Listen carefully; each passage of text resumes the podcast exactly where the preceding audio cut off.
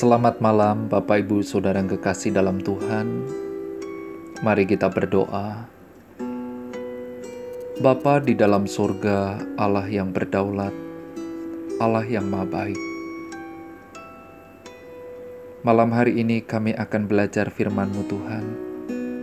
Berikan hikmat pengertian. Kami memohon roh kudus yang menuntun membimbing kami. Di dalam nama Tuhan Yesus kami berdoa. Amin.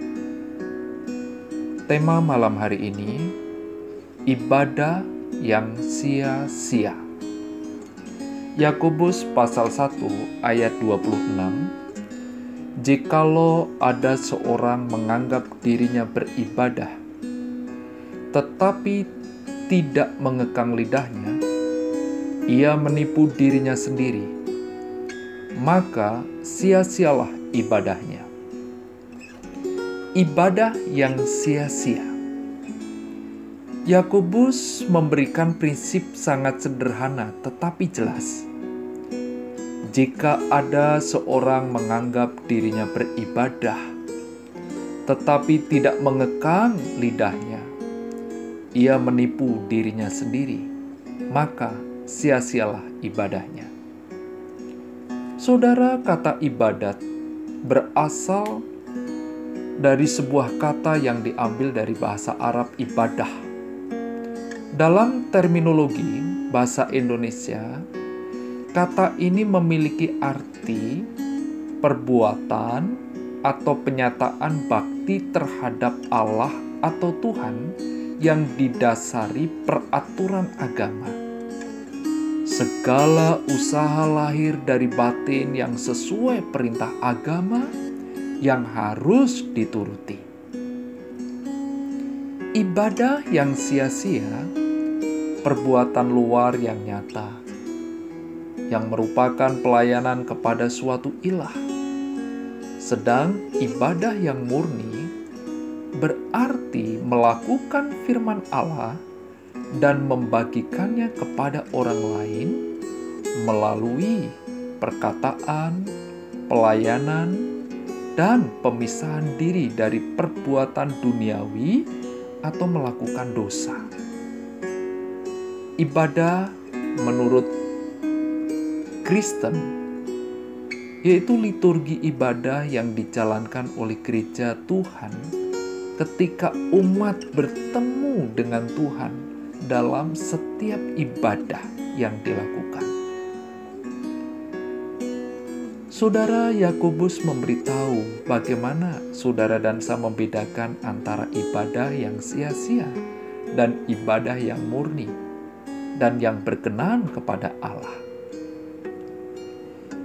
Ibadah apa yang palsu dan sia-sia, dan apa yang benar dan murni? Mari saudara dan saya membiarkan kitab suci dalam hal ini menentukan masalahnya. Dan di sini dengan jelas dan tegas dinyatakan Jikalau ada seorang menganggap dirinya beribadah, tetapi tidak mengekang lidahnya, ia menipu dirinya sendiri, maka sia-sialah ibadahnya.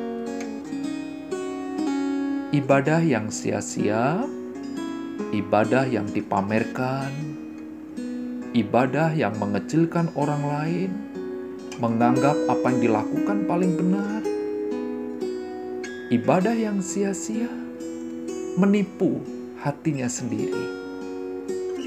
Ibadah yang ditunjukkan secara lahiriah, ibadah secara formalitas, tetapi tanpa didasari kemurnian dari hati yang paling dalam dan tidak ada perubahan hidup yang nyata. Roma pasal 12 ayat 1 karena itu, saudara-saudara, demi kemurahan Allah, aku menasihatkan kamu supaya kamu mempersembahkan tubuhmu sebagai persembahan yang hidup, yang kudus, dan yang berkenan kepada Allah. Itu adalah ibadahmu yang sejati. Bapak, Ibu, saudara kekasih dalam Tuhan, bagaimana ibadah saudara dan saya selama ini? Sudahkah kita mengekang lidah kita? Atau sebaliknya, mari Bapak Ibu kita berdoa. Bapa di dalam sorga, Allah yang maha baik, Allah yang penuh kasih. Malam hari ini kami boleh belajar kebenaran firman-Mu. Bagaimana ibadah yang sia-sia kadang kami lakukan sebagai orang yang mengaku percaya kepada Tuhan. Kadang kami menganggap orang lain rendah, kadang menganggap diri kami, ibadah kami yang benar dan berkenan. Melalui pembelajaran firman ini, Tuhan mengingatkan kami supaya kami mengekang lidah kami. Tuhan memberikan kemurnian dari dalam hati kami yang paling dalam. Sebentar lagi kami akan beristirahat kami memohon pemeliharaan dari Tuhan di dalam nama Yesus. Amin.